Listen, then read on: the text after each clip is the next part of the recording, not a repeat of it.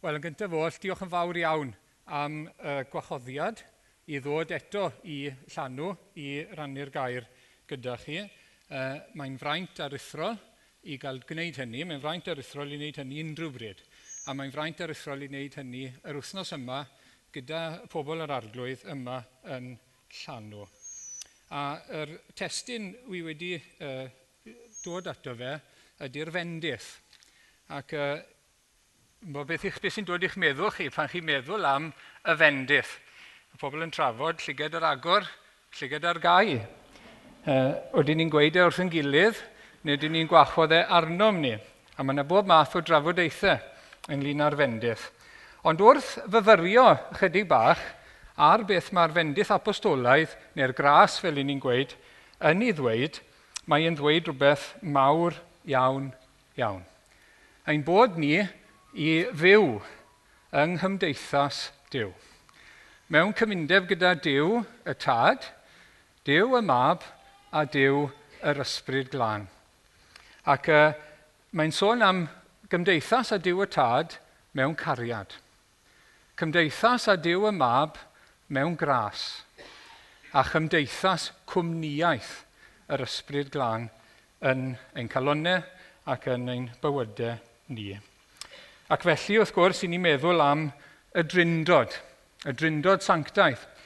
Be sy'n dod i'ch meddwl chi pan chi'n clywed y gair y drindod? Chi'n meddwl am gapel falle, neu am eglwys yn rhywle. Uh, chi'n meddwl am ddirgelwch mawr, a mae yna ddirgelwch yn y drindod. Um, Oeddech chi'n meddwl am ddadleuon diwynyddol falle? Wel, dwi'n gobeithio bod fi ddim yn mynd ar ôl un o'r rheini. Uh, ond, i ni feddwl wythnos yma am y tri person o beth mae'r Beibl yn dweud wrtho ni amdanyn nhw a sut i ni gael cymdeithas. Uh, ac nid dim ond yn llanw nawr, ond trwy'r amser yn ein bywydau ni, bod ni'n byw mewn cymdeithas gyda Dyw. Ac uh, does dim byd yn well na hynny. I ni wedi cael ein creu, gath di ni greu yn y lle cyntaf, mewn cymdeithas gyda Dyw. Ond fe gollwyd hynny oherwydd pechod. A pan mae Dyw yn ein creu ni o'r newydd, mae'n ein creu ni o'r newydd wrth gwrs i gymdeithas, i gymundeb gyda fe ei hunan. Mae achubiaeth yn golygu bod ni'n cael ein hachub uh, o fod ar goll, o fod yn elynion, o fod yn ddiarth, ni'n cael ein cymhod, cymodi, i fod yn gyfeillion. I ni'n cael ein cymodi ac yn cael bywyd tragwyddo. Ac yr adnod nesaf nawr te i ddod lan, chi'n cofio geiriau'r arglwydd Iesu yn ei weddi cyn mynd i'r groes, hyn yw bywyd tragwyddol, beth yw e te? Dad nabod di yr unig wir ddew. Nid gwybod amdano fe, ond i nabod e. A'r hwn anfonais ti Iesu Grist. Ac wedyn ni uh, dechrau uh, llythyr Iowan, llythyr cynta, ac yn wir y mae'n cymundeb ni gyda'r tad a chyda'i fab ef Iesu Grist. A hyn sydd wedi cael ei wasgu arna i nawr te, uh, yn ystod y misoedd diwetha, wrth feddwl am llanw. Ac uh, pan ych chi'n paratoi fel hyn, chi'n meddwl weithiau, wel dwi'n meddwl, wel ydy hwn y peth iawn, arglwydd. Ai dyma beth wyt ti eisiau fi ddweud? Uh, ai dyma'r trywydd cywir? Ac uh, ar hyn o bryd, dwi'n darllen um, cofiant i Thomas Charles. Ac uh, mae'n mae eitha hir, mae'n mewn tair cyfrol. Ac uh, chydig o wythnosau yn ôl, wel, tua mis a hanner yn ôl, des i at yr rhan lle mae'n derbyn llythyr gan Williams Pantycelyn, ychydig o ddyddiau cyn iddo fe farw. Ac yn y llythyr, uh, mae'r llythyr, mae wedi cyfieithu fe i Saesneg, a wedi trio cyfieithu'r pwyntiau yma nôl i Gymraeg, sy'n beth oed i wneud, achos bod y greiddiol ddim gyda fi yn Gymraeg. A oedd Wyn di sôn am dair cainc, a yn bwysig yng ngolwg Williams Pantacelyn, a mae'n dweud hyn yn y llythyr just cyn iddo fe farw. Mae tri peth, tair elfen, o wir grefydd wedi cael ei wasgu arno fe yn nyddiau i salwch a'i wendid cyn marw uh, bod ni'n glir ar gynllun iachawdwriaeth, bod ni'n glir ynglyn â trefn iachawdwriaeth Dyw ar yn cyfer ni, a bod blaenoriaeth Iesu Grist ym mhob peth, uh, fel yr un sydd wedi uh, ennill ffordd i ni, ac uh, fe yw ein uh, pennaeth ni, ein cynrychiolydd ni yn y cyfamod. Na'r peth cyntaf. Ac wedyn, yn ail, dwi wedi dod i weld fy mod yn ddiffygiol iawn mewn mater nid llai godidog, cymdeithas agos a Dyw yn ein holl ymwneud â'r byd ac yn holl ymarferion ac ordinhadau crefydd. Yw, pob peth i ni'n ymwneud ag e yn ein bywyd uh, Cresnogon. Galwyd Abraham yn gyfaill Dyw. Roedd wedi ei gyrraedd o dan yr hen o'r uchwiliaeth, cyn amser Iesu Grist. Edrych ymlaen o dde, eto mi alwyd e'n gyfaill Dyw. Ac mae yna li o addewidion y bydd hyn yn effeithiol i ni ac yn ffrwythlon. A dyma un mae'n cyfeirio ato fe, Ezeia 58, wnas nesaf. Bydd yr arglwydd yn dy arwain bob amser, yn diwallu dy angen mewn cyfnod sych ac yn cryfhau dy esgyrn. Yna byddi fel gardd ddyfradwy ac fel ffynon ddŵr a'i dyfroedd heb ballu. Ai dyna fel i chi eisiau eich bywyd chi i fod? Fel na dwi eisiau mywyd i fod, ac o'n allai fe fod fwy fel na. Mewn cyfnod sych, i ni'n byw mewn cyfnod sych, ond dyn ni, wel bod yn esgyr ni'n gryf yn ysbrydol, ac fel gardd ddyfradwy, bod na ffrwyth cyson yn ein bywyd ni, yn dwy'n gogoniant i'r arglwydd, fel ffynon ddŵr sydd ddim yn sychu ond yn tarddu ac yn byrlymu a'i ddyfroedd heb ballu. Felly dyma'r math o addewidion i ni o fod yn agos a cadw ein cymdeithas a'r arglwydd yn agos. Cefais reswm i gredu, nôl at Pantacelyn, bod llioedd o broffeswyr, rhai sy'n proffesu ffydd, blaenllaw yng ngolwg dynion, sydd heb wneud fawr o ymdrech i gyrraedd yr elfen nefol yma. Trist yw dweud hynny. Wel, mae hwnna'n her i ni, ond yw e. Beth mae e'n dweud, ac oedd e'n siarad yng nghyfnod y diwygiadau yn y 1700s. Y trydydd pwynt oedd yn allweddol iddo fe oedd bichedd y ffordd o fyw, bod ein bywyd ni'n lan, byddai'n dangos gwir wahaniaeth rhwngtho ni a'r byd. Felly oedd hynny'n help i fi, dim ond i ddarllen hwnna, mae dyma'r trywydd mae'r arglwydd yn ein galw ni iddo fe. Mae dyma'r neges wedi osod ar yng nghalon ni te uh, bod ni'n cael cymundeb ag e yn ein bywyd, yn barhaus ac yn gyson. Mae nid rhywbeth uh, pie in the sky yw hynny, Mae nid luxury yw e, ond anghenraid, necessity. Nid rhywbeth i ni feddwl, uh, mae rhaid chi fynd i ryw encil yn bell, mae'n cilion yn help, mae llanw yn help, ond dyw hwnna ddim yn para trwy'r amser.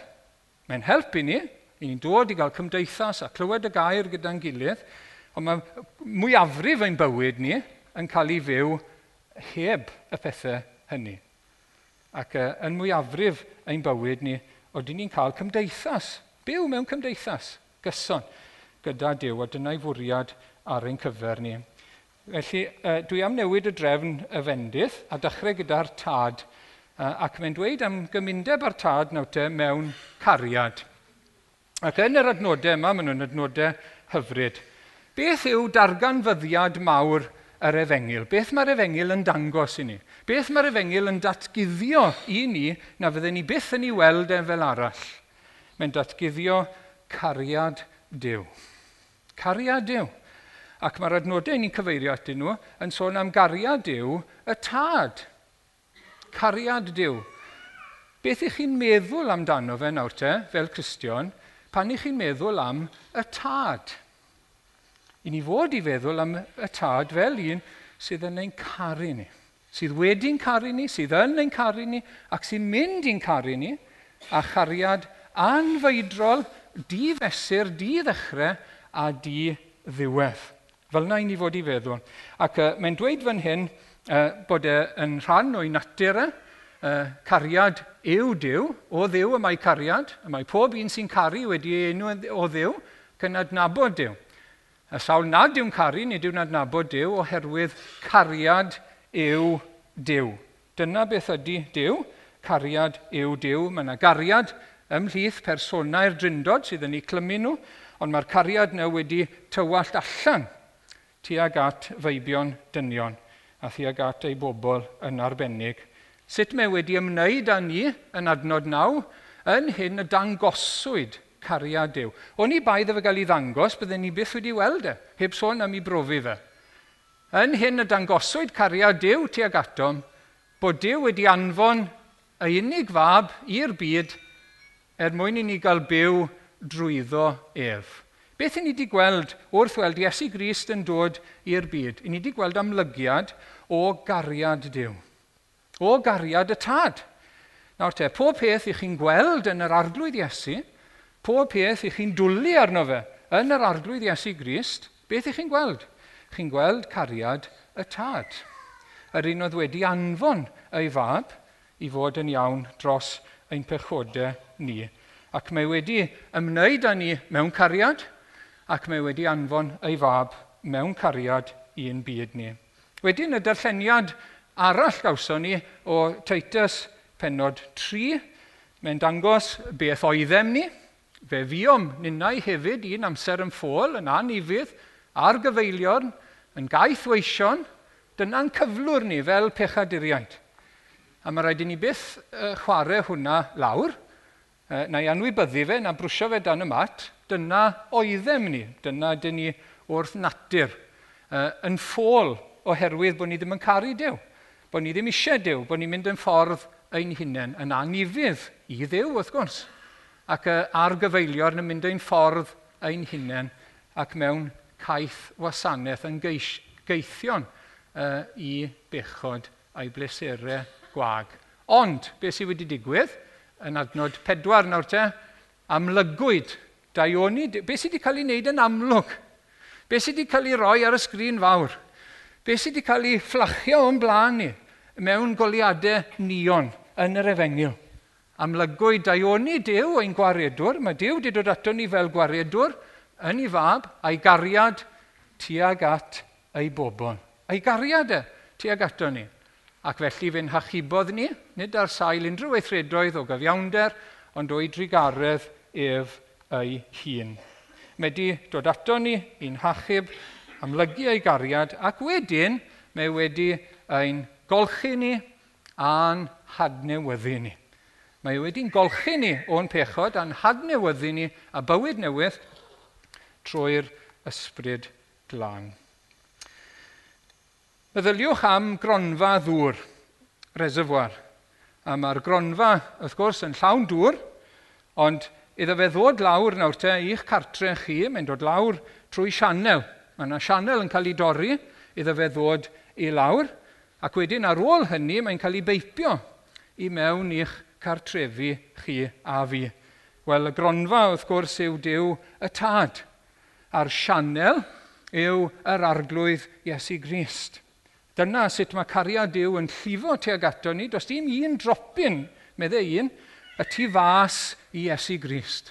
Mae'n cael ei sianelu trwy yr arglwydd Iesu, a mae'n cael ei beipio i'n calonau ni trwy yr ysbryd glân. Wel, pa fath o gariad ydy cariad Dyw tuag ato ni. Uh, chydig o bwyntiau nawr te amdano fe. Mae'n gariad sicr. Mae'n gariad sicr. Drychwch ar y geiriau hyn o eiddo Iesu Grist, siarad â'i ddisgyblion cyn mynd i'r groes. Nid wyf yn dweud wrthych y bydda fi'n gweddio ar y tad drosoch chi. A hwnna'n sioc yn dweud. Dwi ddim yn gweud wrthoch chi, byddai'n gweddio drosoch chi. Hang on, dyw'r reoliwr ddim yn mynd i weddio drosoch ni. Pam? Oherwydd y mae y tad ei hun yn eich caru chi. Am i chi fy ngharu a chredu fy mod i wedi dod oddi wrth ddiw. Ynglyn â mater cariad Dyw tuag ato ni, does dim rhaid i'r arglwydd Iesu i eiriol droson ni, mae'r tad yn ein caru ni yn barod. Mae di'n caru ni cyn ein bod, mae di'n caru ni ac anfon ei fab o'i gariad. Felly, Dyw e ddim yn eiriol, dyw e ddim yn gofyn i'r arglwydd i'n caru ni'r tad i'n caru. Na, mae hynny'n bod yn barod. Mae'n gariad sicr. Mae'n gariad helaeth. Dyma'r adnodau nesaf. Dyma obaith na chawn ein siomi ganddo oherwydd mae cariad Dyw wedi ei dywallt yn ein calonnau trwy'r ysbryd glân y mae ef wedi ei roi i ni. Dyw e ddim yn sôn am ddiferion, dyw e ddim yn sôn am tricl bach, mae'n sôn am dywallt. Ac mae tywalltiad yn awgrymu helaethrwydd. Helaethrwydd. Dyw e ddim yn bryn, dyw e ddim yn debyg o rydeg allan, dyw e ddim yn rhywbeth, chi gael tyfu bach ar y tro, nawr rations ono fe, achos bod hi'n sych, mae digonedd ohono fe i gael ei dywallt yn ein calonnau ni trwy yr ysbryd glân.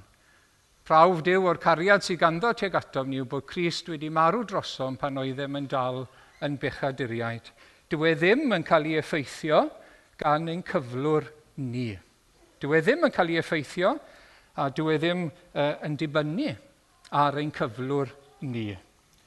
Dyma sail nawr te gwaith Dyw i gyd. Dyma sail yr efengil, dyma sail cynllun Dyw ym mhob peth mae e'n gwneud. Yr adnod sy'n gyfarwydd i ni, do carodd Dyw y byd gymaint, neu felly carodd Dyw y byd, nes iddo roi ei unig fab. Er mwyn i bob un sy'n credu yn ef, beidio mynd i ddistryw, ond cael bywyd tragwyddol. Mae e wedi'n caru ni cyn roi yr arglwydd Iesu Grist. Mae'r arglwydd Iesu wedi cael ei roi mewn cariad. Mae gariad e yn dod yn gyntaf. Ac uh, dyna y pwynt i ni'n gweld yn sawl un o'r adnodau hyn. Mae ed i'n caru ni gyntaf. Pan i ni'n dod yn grisnogion, pan i chi'n dod yn gristion, chi'n dod i gredu yn Iesu Grist. Chi'n dod i gredu yn yw, chi'n dod i gredu bod chi'n dod yn blant i Ddyw. A chi'n dod i gredu, a chi'n excited i gyd. Mae'n wefr i ddod i brofiad o Ddew a'i garu fe. Ond pan i chi'n dechrau darllen mwy ar y Beibl, a chi'n gweld ond mae gariad e yn anfeidron. Mae, allwch chi ddim mynd nôl y tu hwnt iddo fe. Allwch chi ddim mynd yn uwch na'n ddyfnach, na'n lletach, na'n yn bellach nag e. Mae gariad e mor helaeth ac mor fawr tuag ato ni, cariad y tad. A, ac uh, dyna uh, oedd yn perydd fanfon i fab, a nawr te dyma ni te, yn hyn y mae cariad, nid ein bod ni'n caru Dyw, ond ei fod ef wedi ein caru ni ac wedi anfon ei fab i fod yn aberth cymod dros ein pechodau. Mae rai pobl yn dda am gymryd inisiatif, ond os e? Rai nhw'n ni well neu gilydd. Rhai yn barod i gymryd y cam cyntaf, a rhai yn dilyn. Uh, rhai yn uh, proactif, a rhai yn reactif, fel ni'n gweud yn llnellu. Um, Wel nawr te, mae cariad Dyw y Tad yn proactif, yn dweud. Fe yn gyntaf sydd wedi'n caru ni. Fe sydd wedi meddwl meddyliau o hedd amdano'ch pobl fel chi a fi o dragwyddoldeb. A dyma chi beth mae wedi wneud yn ei gariad, yn ôl nawr te, yn bell yn ôl. Dyma'r adnod nesaf wy eisiau uh, i ddod lan, 1.4, 1.20. Yn sôn am Dyw y Tad a'r Mab. Yr oedd Dyw wedi ei ddewis cyn seilio'r byd ac amlygwyd ef yn niwedd yr amserau er eich mwyn chwi. Nawr, eisiau chi feddwl am hwn o ddifri, mae'r adnod yma'n anhygoel yn yn feddwl i. Mae Dyw y Tad wedi dewis, wedi neilltio ei fab. Cyn seilio'r byd, cyn, mae'n anodd i ni feddwl, cyn seilio'r byd, nôl, cyn creu y byd. A mae hynny wedi dod yn amlwg mewn amser wrth iddo gael ei anfon er eich mwyn chwi. Er eich mwyn chwi. Mae Dyw y Tad wedi neilltio Iesu Grist ar gyfer ei bobl ers tragwyddoldeb. Mae wedi neilltio'r arglwydd Iesu fel eich priod chi, e, fel matchmaking mewn priodas. Mae wedi neilltio ei fab fel priod i'w bobl, pechaduriaid o bob gradd a phob math, ers cyn seiliad y byd. Wel, yn y feddwl i, meddwl bach i, mind-blowing. Mind-blowing. Nawr, ai fel na i ni meddwl am y tad? Fel un ni fod i feddwl am y tad. Dyma'r darlun cywir o'r ysgrythyr i ni fod i gael am ddew y tad. A dyma'r gymdeithas i ni fod i fyw ynddo fe trwy'r amser, y gymundeb yma gyda ge. Fe'n carodd cyn ein bod. A'i briod fab ar oes, yn ôl y modau hen y llw i farw ar y groes. Felly, mae wedi neilltio Iesu Grist ar yng nghyfer i, ar yng cyfer ni, ei bobl, yn ail, uh, i ffesiaid 1.4, cyn seilio'r byd, chi'n sylwi, yr un cyfnod, cyn seilio'r byd, fe'n dewisodd ni yng Nghyst i fod yn sanctaidd ac yn ddifau ger ei fron mewn cariad. Mae wedi ei neilltio ni ar gyfer Iesu Grist. Dyma drefnu'r briodas. Mae wedi dewis ei fab i fod yn briodfab, a mae wedi dewis llu a neirif o bechaduriaid i fod yn briodferch. A match made in heaven. Dyna beth yw e. A match made in heaven. Meddyliwch am y peth. Meddyliwch drosto fe cyn seilio'r byd, wedi neilltu o'i fab i fod yn briod i dyrfa o hen bechaduriaid, o hen rebels fel ni. A'n dewis ni yng Nghyst, cofiwch, i fod yn briodferch ac yn bobl iddo fe. Ac wedyn mae Iesu Grist yn dweud wrtho ni, beth sy'n digwydd pan i chi'n credu yn Iesu Grist, i ni'n cael ein rhoi iddo fe ni'n cael ein rhoi iddo fe. Dyma'r adnodau nesaf. Bydd pob un y mae'r tad yn ei roi i mi yn dod ata fi.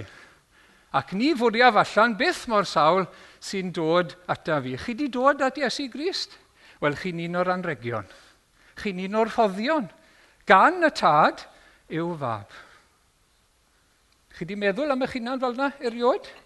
Nawr, i ni rieni yn licio meddwl bod ni'n rhoi rhoddion da i'n plant fel mae'r gair yn gweud. Os maen nhw'n gofyn am mwy, sy'n maen ni'n rhoi ysgorpion iddyn nhw. Ni'n rhoi anrhegion da i'n plant. Uh, os maen nhw'n gofyn am eisgrim, uh, a mae'n amser gwely, sy'n maen ni'n rhoi eisgrim iddyn nhw uh, amser gwely. Os maen nhw'n gofyn am fox o matches i ware, sy'n maen ni'n rhoi box o matches i ware iddyn nhw.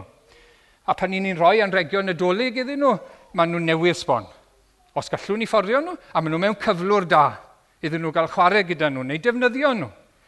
Wel, pa fath o roddion mae'r mab wedi cael gan y tad te? O, rai sydd wedi torri. rai sydd ddim yn gweithio. Rai sy'n frwnt ac yn aflan. Dyna beth mae wedi cael. A mae'n meddwl y byd ohonyn nhw. Mae'n ei trysori nhw. Achos roddion y tad yw nhw. Iddo fe. Chi wedi meddwl am eich hunan fel yna? Eriod. Mae'n dweud eto yn Iwan 6 am hynny, a Iwan 10, na na, dwi'n mynd i roi e lan, sori. Iwan 10, 29, unwaith eto y bugail da, a mae'n sôn am i ddefaid ni ddwg neb pwynt allan o'm llaw i. So mae'n mynd i golli un ohonyn nhw. Pam? Hwy yw rhodd fy nhad i mi. Rhodd sy'n fwy na dim oll. Dyna un ffordd o'i ddarllen e. Hwy yw rhodd fy nhad i mi. Chi wedi cael eich roi i'r arglwydd Iesu Grist. Di ni'n mynd sylweddoli ar y pryd. I ni'n dod.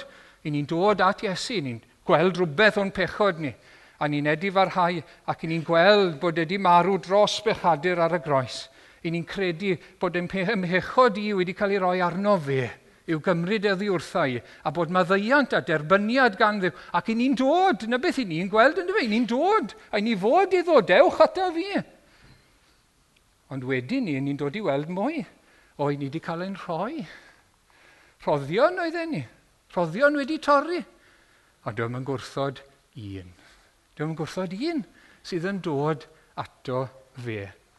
Ac wrth gwrs, i gyfrifoldeb e wedyn ni, yw i derbyn, eu cadw, pidio colli un ohonyn nhw a'i atgyfodi yn y dydd olaf.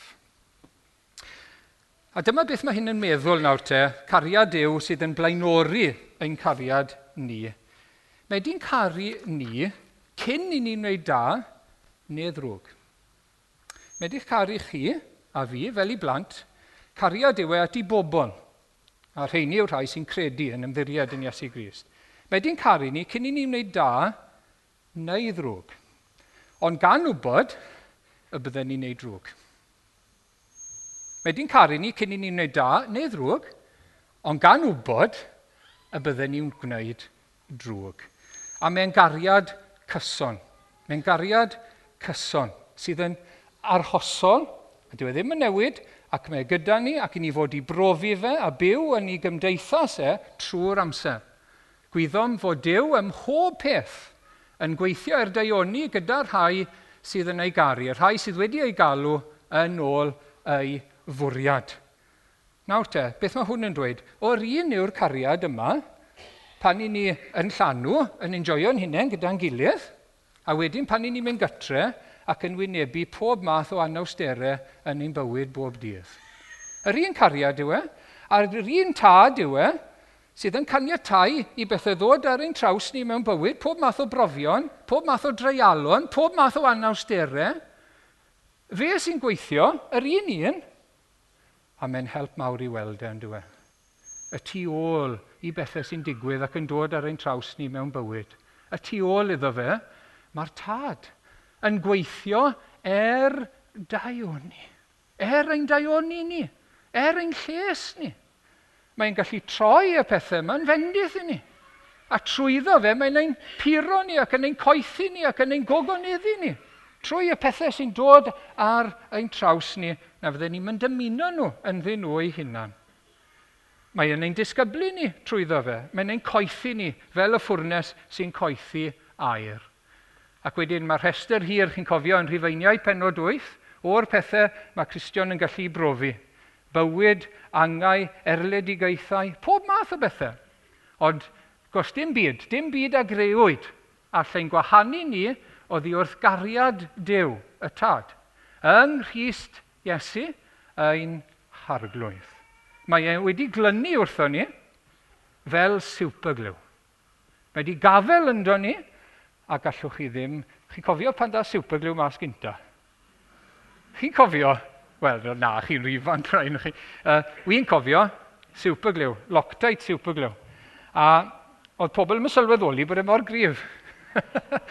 a nhw'n lando yn yr hospital i gael gwahanu bysedd y pethau. Achos o'n nhw'n meddwl, o, gliw yw e, chyfo gliw, a gliw yn llid dod off. a nhw'n gofio mynd i'r hospital i gael surgically removed, chybod, gwahanu y bus a'r bawd. Wel, fel yna mae cariad y tad.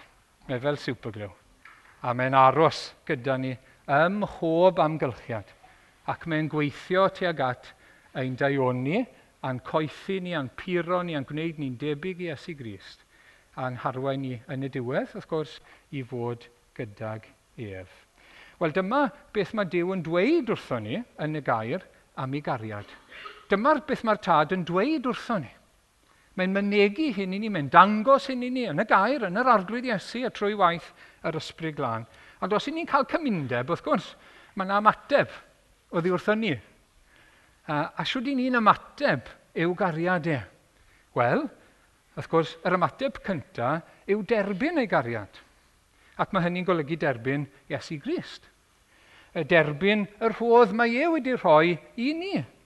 Y derbyn ei fab. Yr adnod nesaf nawr te, nid oes neb wedi gweld Dyw eriod. Yr unig un ac yntau'n ddiw, yr hwn sydd yn mynwes y tad hwnnw a'i gwnaeth yn hysbys. Felly mae'r tad wedi dod ato ni, dangos ei hunan yn y mab, yn dod yn gnawd, ac allwn ni naillai ei wrthod e neu ei dderbyn. Allwn ni naillai ddod ato fe neu mynd bant o ddiwrtho fe. Ac mae rhai sydd yn credu, beth maen nhw'n gwneud? Maen nhw'n derbyn cariad y tad. Maen nhw'n credu yn ei gariadau, e, er gweitha popeth sydd yn wir amdanyn nhw, bod Dyw yn ei caru nhw ac wedi trefnu ffordd i gael cymdeithas eto gydag e. Mae gwrthod y mab yn gwrthod y tad, wrth gwrs, yr adnod nesaf. Mae sawl sy'n gwrando arno chwi yn gwrando arna fi. Sawl sy'n eich anwybyddu chwi yn fanwybyddu i, ac mae sawl sy'n fanwybyddu i yn anwybyddu yr hwn am hanfonodd i. Felly mae'n dechrau. I ni'n derbyn cariad y tad wrth erbyn ei fab, wrth erbyn yr arglwydd Iesu ar hyn wedi dod i'w gyhoeddi a'i wneud drosom ni. Yn ail, i ni yn ei garu fe. I ni'n ei garu fe, y tad. Ac uh, chi'n cael eich atgoffa nawr te, uh, o'r gorchmynion. Beth yw cyd-destun y gorchmynion? Beth yw cyd-destun y deg gorchymyn? Siwr mae Iesu Grist yn crynhoi y deg gorchymyn i ddau o ynghyd-destun cariad. Car yr arglwydd Deddiw. Car yr arglwydd Deddiw, a char dy gymydog fel ti dy hunan. Gwrando Israel, a mae'r arglwydd ein diw yn un arglwydd, car di yr arglwydd Deddiw, a holl galon, ac a holl enaid, ac a holl nerth. Beth oedd cyd-destun y deg o'r chymyn?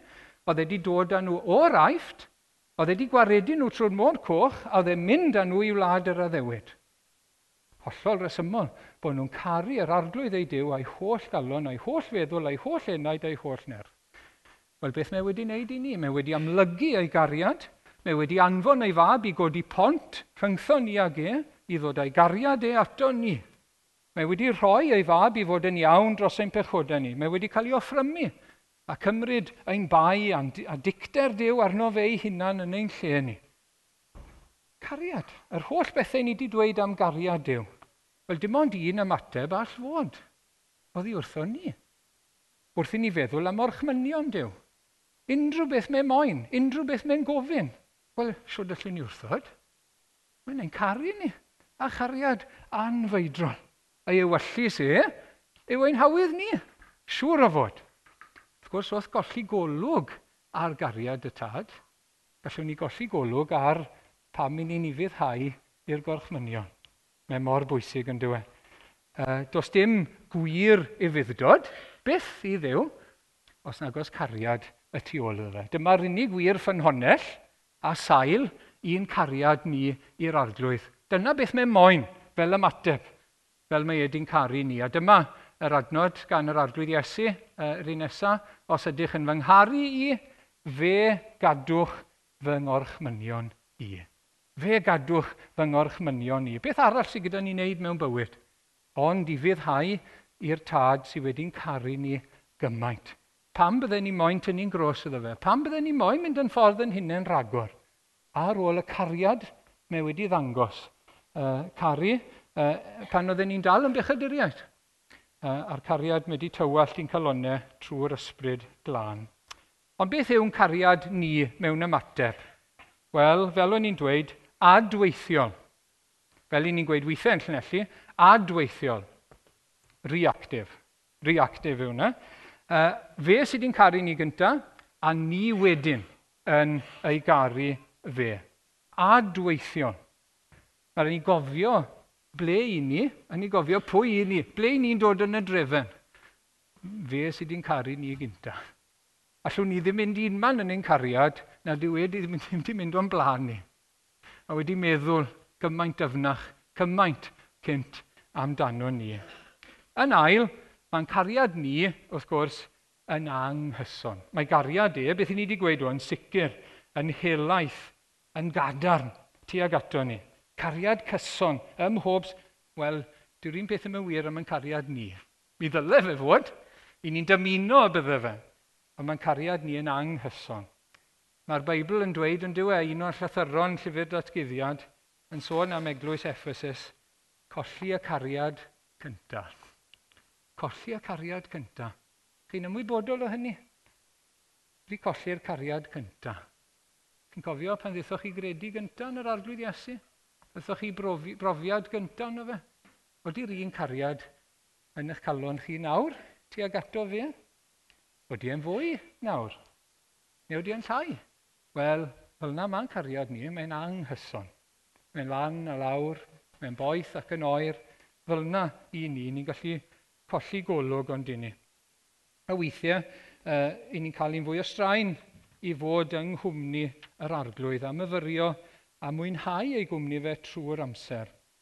Ond uh, ni jyst yn gorffen uh, gyda chydig o eiriau wedi rhoi lawr fan hyn. Mae'n galw arno ni nawr te i lygadu fe mewn cariad, i feddwl ac i edrych arno fe fel y tad mwyaf caredig a tynner gyda'r meddyliau mwyaf caredig ato ni ers tragwyddoldeb. I ni ganolbwyntio felly rhoi ffocws. Pan chi'n tynnu llun, chi eisiau gwybod le mae'r ffocws. Ar ei dynerwch, ei gydymdeimlad, ei feddyliau o hedd, ei dderbyniad llawn ohono ni, ei fabwysiad yn Iesu Grist, yr etifeddiaeth i'r nefoedd, nes na allwn ni ddim goddau bod hebddo fe am awr. Yn aml iawn, i ni ffeindio fe'n straen i fod gyda fe am awr. Ond beth sy'n ni'n dod i gyflwr lle allan ni ddim meddwl a bod hebddo fe. Pan ych chi'n darllen rhai o'r salmau, salmau Dafydd a salmau eraill, Dafydd yn arbennig, yr un peth mae'n ofon i golli yn fwy na dim byd yw wyneb yr arglwydd.